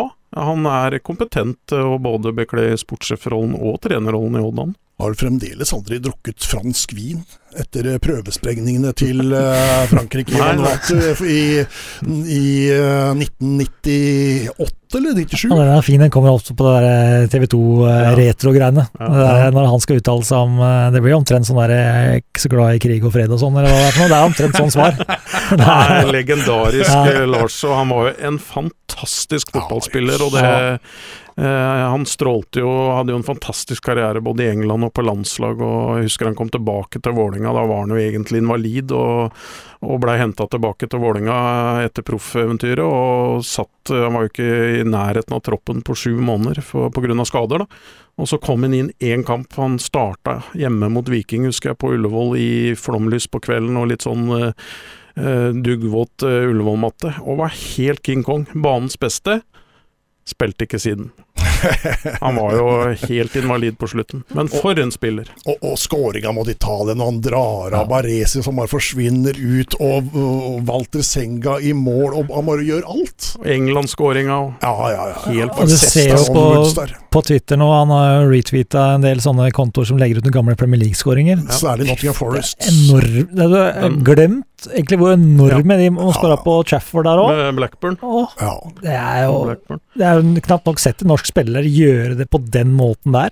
Jeg vil jo ha Dra av tre-fire mann og så bare Ja. leke, liksom. Ja, Jeg vil ha Lars til klubben, bare for at da kan jeg få den inn her i podstudio. Ja, ja, det har jeg tenkt. Jeg tenkte jeg har hatt en time med Bohin her, Ja, og han er jo fortsatt legende i Nottingham Forest. Ja, ja. Han er altså så populær. Og det er største drømmen hans, har jeg skjønt. Å trene Forest? Han har jo sagt det, at det er, eller han sa i hvert fall det når han trente Ålesund, at det var to ting han aldri kunne takke nei til, og det var å trene Vålerenga eller Nottingham Forest.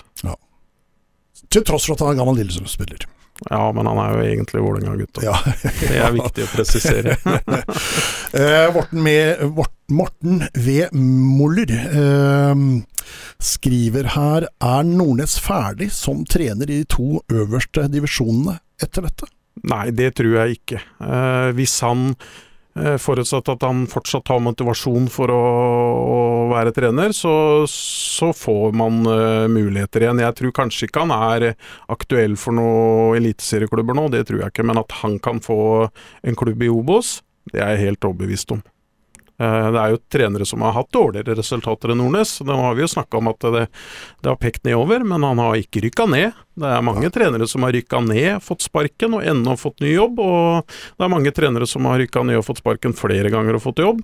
Så hvis Nordnes er motivert og vil, så er jeg ganske sikker på at han kan få en, eh, en trenerjobb i f.eks. Obos-ligaen. Og Altså, legger han på slutten her sånn, masse spørsmål, altså. Men eh, når får vi inn en ukjent afrikaner igjen på Odd-laget?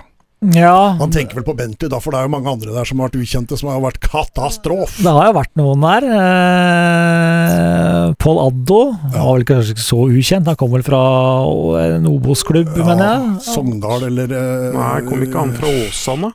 ja, Eller, nei, det gjorde han ikke. Han kom fra de, hva het den, Løvam? Ja, det stemmer. Løvam. Ja, Løvam. Det var en bergensklubb.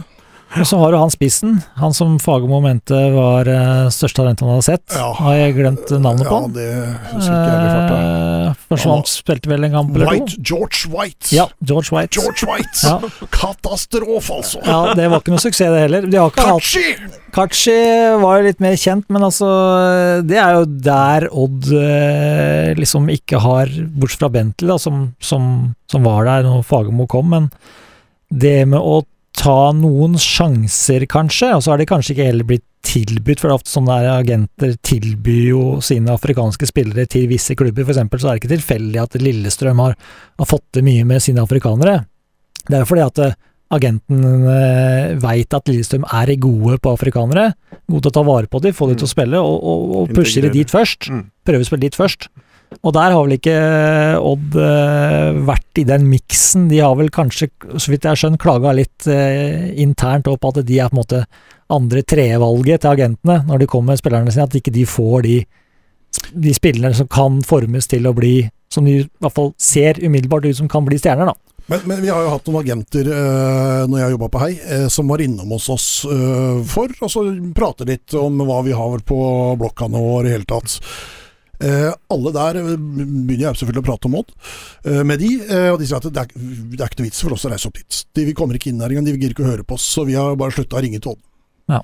Er det de sier, for er, de er ikke interessert i å høre på det. Nei, det kan være det. Sumen Choi. Som en joy. fantastisk. Jeg må bare nevne det når jeg trente Klyve, et litt annet nivå, men der fikk jeg en telefon fra en eh, som lurte på om det var en, eh, det var en som hadde flytta til Norge, da, en afrikaner som eh, lurte på om han kunne komme og prøvespille på Klyve, for han bodde ikke så langt unna. Jeg var i juli måned, det var stekvarmt, eh, og jeg sa ja til det, og han kom, han. Men han kom ikke med fotballsko, han kom med Snovdjog. Det Oi. skulle han spille fotball med. Var iskald, eller? Midt på sommeren? Nei, ja, tydeligvis. Det var bare en sånn eh, Et lite, lite sidespor. Men vi, apropos afrikanere, så har vi jo ikke nevnt den beste som har vært i Odd. Hvem da? Somenskjoy. Jo, vi nevnte det. Ja, vi nevnte det. Det, er, det er lov å følge med. Det er lov å følge med. Ja, ser du, Det er lov å følge med. Seint på kvelden. Nei, det var det en som var enda bedre enn Zoomen. Var det den som var enda bedre enn Zoomen? Nei. Jeg vet ikke det. Eh, Rune Svanvik skriver her, han skriver langt, vi får prøve oss å få med alt, er enig i at det var på tide med et skifte, resultatene har uteblitt, samt at de unge spillerne ikke har utvikla seg i rett retning. Og det jeg ikke forstår, er jo at det tydeligvis er satt en sum i kontrakten Odd må løse ut Jan Frode Nordnes med. Det tror jeg ikke det er. Eh, Jeg tror nok det er bare at han har en kontrakt hvor han har en lønn, og det er det de må betale han. Men, og den summen har jo styret kjent til før de valgte å sparke Jan Frode Nordnes, og det er jeg enig i. Derfor virker det rart at man ikke bare løser han fra kontrakten og slipper ekstra støy, skriver hun her. Nå må dere hjelpe meg litt her, men jeg tror vel det er sånn at eh, han har vel seks måneders oppsigelsestid som eh, alle andre eller topptrenere, har jeg skjønt. Men hvis da en trener føler seg uriktig oppsagt, altså at han ikke er oppsagt på riktig grunnlag, så eh, er det noe annet, da. Ja, det så det er vel det kanskje Odd har regna med, da, at de kan få han ut på seks og en halvt års lønn, kanskje? Ja, for det er jo det som er ankepunktet nå. Det er jo tydeligvis at Jan Frode og advokaten de bestrider jo oppsigelsen. Og, og da vil jo de i utgangspunktet ikke godta noe annet enn full lønn ut kontrakt, eh, kontraktsperioden. Så det er jo der på en måte Det er noe sånn at det, altså Hvis ikke du har gjort jobben din, og så blir det et definisjonsspørsmål på hva det er, da. Ja. Eh, altså man kan gi Apropos advokaten er sånn som er broren til Jan Frode, er ikke, er ikke det litt rart? da? Burde ikke han egentlig ha en som står litt lenger unna? Ja, men Det kan hende det er litt sånn nå i startfasen. Ja. Altså Det er jo rett og slett eh, litt sånn eh, juridisk råd, rådgivning, tenker jeg nå. Ja. Og så kan det godt hende at hvis det, hvis det her ikke løser seg, på en måte det nærmer seg rettsapparatet, så kan det godt hende at, eh, at Jan Frode endrer på det. Eh, Morten Fossli har masse spørsmål her. Har de en plan? Er det penger på vei inn? Hvorfor selge Kåsa nå? Og vil de kreve det Kåsa er verdt? Hva er Kåsa verdt, da? Ja, det er jo et godt spørsmål, men uh... Transfermarkt opererer med 500 000 euro. ja, Transfermark kan man ikke bruke som referanse, seriøs referanse, i hvert fall. Nei Nå vet jo ikke jeg noen summer, men jeg har jo hørt at Odd har fått et eh, ganske godt tilbud. Eh, så jeg tenker jo litt sånn at det første han spør om, om det er penger på vei inn, det tror jeg ikke det er. Nei. Det er ikke noen rik onkel som står klar med noen penger her. Eh, og da er vi kanskje litt tilbake til det Odd kanskje vurderer litt nå. Altså Markus Kaasa eh, trodde jeg skulle få sitt store gjennombrudd, og det, det har venta litt på seg, syns jeg. Ja. Altså han har, eh, han har utvikla seg, men han har ikke hatt den utviklinga som jeg kanskje trodde han skulle ha. Eh, og da hvis Odd har fått eh, en god slump med penger på bordet fra Molde, så er vi litt tilbake til det regnestykket vi var inne på i stad. At det her blir en kostbar affære for Odd med å kvitte seg med Jan Frode, få en ny hovedtrener på plass. Og da kan det hende at man tenker i med at han ikke har hatt den utviklinga som jeg tror Odd eh, hadde håpa han skulle ha, så tenker man at det er frisk kapital som vi trenger inn i den situasjonen som er nå. Hvor mye får eh, Odd for uh, Markus Kaasa på et Moldebud? Eh, ja, vi har vel hørt at eh, det skal være i størrelsesorden opp mot eh, 28 millioner up front. Jeg Eh, og, ståpels? og mye og litt Heia mer 20%, eh, Heia 20 videresalg der. og litt mer i en totalpakke. Ehm, så eh, jeg tenker jo at eh, det, litt som Tommy var inne på, at eh, kanskje det er rett tidspunkt. Altså, det er klart at Bodø-Glimt har vært interessert, Molde er interessert, så topplaget i Norge ser verdien i Markus Kaasa. Han er jo ekstremt god i dette mellomromsspillet, kombinasjonsspillet, som eh, Molde og Bodø-Glimt spesielt eh, opererer veldig mye med. Mm. Og kanskje kommer han ikke helt til sin Han er en veldig fin fotballspiller, og veldig god fotballspiller, men kanskje kommer han ikke helt til sin rett i det der odds-systemet med indreløpere som skal produsere, som må produsere målpoeng. Der har jo Markus Kaasa hatt en utfordring da, med å levere nok assists og levere nok mål. Og ikke minst at man kan se at en type som Syver Aas, som nå i 2022 må få tillit. Altså Han er såpass stort talent. Han må starte åtte-ti kamper, Mm. minimum. Mm. Skal han få den utviklinga, skal han fortsette utviklinga si. Og da står jo han klar, da. Så kanskje det er timinga, kanskje det er rett tidspunkt nå. At det, sånn er det. At eh, vi liker deg veldig godt, Markus, og du er en veldig god fotballspiller, men kanskje nå er det rett at eh, Og så kommer det an på hva Markus vil sjøl, da. Mm. Han har jo uttalt seg at han ikke nødvendigvis er helt sikker på om han har 100% lyst til å forlate Odd til Molde, f.eks. Så det får vi jo han, han også spiller jo inn her, selvfølgelig. Mm. Så får vi bare se. Men det er jo, som Tommy sier også, det er jo veldig beleilig. Skal man få inn, la oss si 28 millioner kroner nå, da, i den posisjonen Odd er i akkurat nå. Da har man jo på en måte dekket inn, da. Eh, og da, da, man, da, har man plutselig litt penger til å forsterke stallen, kanskje på andre plasser, da. For det er jo som Møllerstad er inne på, at man har jo Syver Aas som på en måte kan utvikle seg i den rollen. Og kommer til å gjøre det. Ja. Så da har man på en måte kanskje løst det regnestykket. Mm. Men husk på, Hei skal ha 20% uansett hva som kommer der. Selv, selv, selv, sier selv. hjertet til Kim nå. 1,8 på bok 1,6, 1,7, 1,8 på bok uh, til uka. Um, da vet du det, hei. Uh, Geir Hogstad, om de ikke blir enige med Nordnes raskt, er det da et scenario at han trener Odd i første seriekamp? Nei. Det er jo ikke det. det var jo det jeg bare var litt inne på stad og fleipa med i stad. Men det er klart at det, sånn er det alltid når en trener blir sparka. Så, så, er det noen dager hvor det er forhandlinger, man er litt ute i media, det er stor avstand, det er mye spill og taktikk her. Det er klart at de blir enige på et eller annet tidspunkt. Så i løpet av uka så tipper jeg at de har funnet en løsning på det. Så er det M. Tollnes. Eh, du har fått eh, svart alle spørsmåla dine. Eh, du hadde mange også. Så lenge du hører på hele podkasten, har du fått svart på alle. Alt det du lurte på. Hva blir prosessen videre nå da, Møllers? Har du fått melding? Er det noe som skjer på Nei, jeg må bare følge med, for det kan jo skje fort her. Skjer det noe på Skagerrak? Nei, ifølge kollegene mine som jobber, så er det ingenting som skjer. Nei, det kommer jo helt an på. Det blir som vi har vært inne på tidligere, det blir veldig spennende i morgen. Har Odd, jeg kan jo ikke helt jussen i det, men altså kan har Odd fritatt Jan Frode for arbeidsplikten for å unngå en litt pinlig situasjon i morgen? Gjør de det ikke? Eh, klarer de å løse det ut på å få det til morgen, i morgentimene i morgen, formiddagen? Eller ender vi opp med at Jan Frode svinger inn på Skagerrak Arena i morgen og eh, ja, går på jobb, rett og slett? Det får vi jo, det får vi jo se. Ja, så det er helt umulig å si, eh, å si, hva som kommer til å skje, egentlig. Hva tror du, Tommy? Hva skjer nå? Nei, som sagt så tror jeg at de, de kommer til enighet i løpet av uka. Eh, det kan jo også hende at det blir hektisk eh, møtevirksomhet eh, i morgentimen og utover formiddagen i morgen. Vi har jo sett det også i andre klubber, da, hvor, hvor, det har blitt løst sånn i tolvte time.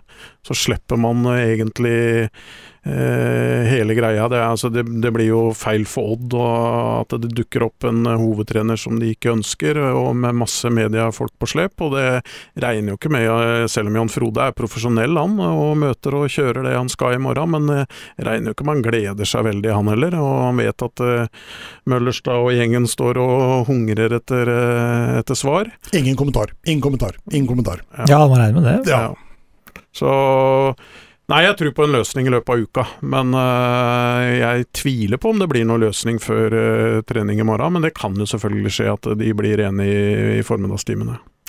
Når starter treninga i morgen, Ole Martin?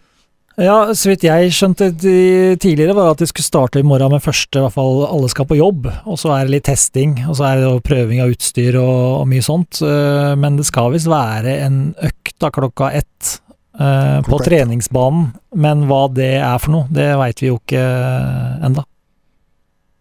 Vi får se. Ja, det blir spennende. Bare å klikke seg inn på www.ta.no. Du må ha med de dobbeltene, ja? Ja, ja. Det er, noen, det er noen som har det inn, skjønner du. HTTP, okay. HTTPS ja, ja, slash slash kolon okay. eller et eller annet. Ja. Uh, Thea.no. Uh, sjekk det ut der. Noe mer å tillegge, Tommy? Nei, det Er farsen over og sirkus over, eller kommer det til å fortsette? Nei, sirkuset fortsetter jo i morgen hvis, eh, hvis, ikke det blir en løsning mellom Jon Frode og Odd. Da, da, blir det jo livestream på Thea i morgen, og vi får følge med. og Da, da fortsetter jo sirkuset. Uh, og så blir det jo nå en prosess som blir veldig spennende å følge sånn fra utsida. Det er jo alltid spennende, det. Ny sportssjef skal inn, ny trener skal på plass, spillere skal signeres. Man har gørrdårlig tid, for å si det rett ut. Eh, så jeg er veldig spent på, på, de nærmeste ukene, og så er jeg spent på sesongen til Odd. For det er ikke noe tvil om at man, eh, starter eh, med litt Med handikap, for ja, å si det sånn. man gjør det Ja. altså, fordi man kommer seinere i gang enn det man hadde ønska. Og det er litt sånn som, som vi var inne på tidligere, ikke sant. Eh, eh, trenerteamet med Jan Frode i spissen har jo lagt en plan nå for, eh, for hele preseason i forhold til trening. Hva skal trenes på? Eh, man skal på en treningsleir. Eh, man har satt opp eh, treningskamper eh, med motstandere. Eh, og så skal det komme en ny mann inn og på en måte skal kjøre sitt opplegg. Eh, så det blir, eh, det blir spennende å, følge. Eh, og så har vi også Ja, hva skjer da, hvis man ikke blir enig før man skal på treningsleir? Skal Jan Frode reise nedover til eh, Er det Spania de skal til? Ja. Ja. Ja. Eh, så det er klart det er noen spennende timer og dager og uker i vente for oss som er glad i fotball. Det var litt halvveis litt sånn sist òg, da Fagermo forsvant. Ja. At Nordnes kom inn og tok det midlertidige ansvaret. Ja. Og så gikk det jo veldig lang tid, og så bestemte de seg for Men det var For å spare noen kroner, vel. Ja, det var det som ble hevda av enkelte. Men eh, klart at det er litt lignende, da, at man går og lurer litt på hvem som egentlig skal trene dette laget her. Godt ute i Nå ble de litt redda for så vidt av covid og Mm. i sånne sesonger der, men eh, litt det samme. At man har en trener som man ikke veit skal være trener eller ikke. Og det starta jo greit det året der, for så vidt. Det kan jo gå bra, men eh, de kan ikke vente for lenge heller. Det kan det ikke. Var ikke det litt sånn når du sier det nå, så demmer deg litt, var ikke det litt spørsmålet akkurat i den overgangen eh, når Fagermo gikk fra Odd til Vålinga, og spørsmålet om han skulle være med Odd på treningsleir eller ikke? Var vi ikke litt sånn samme situasjon da? Om eh, Fagermo skulle være med? Ja, om han skulle være med Odd Ja, på det treningsleir var eller ikke? kanskje helt tett på, jeg husker ikke helt, jeg. Jeg mener at det demra litt sånn at det var litt sånn uklart, skal Fagermo reise med Odd, eller skal han ikke? Men øh, jo, jeg tror det var sånn.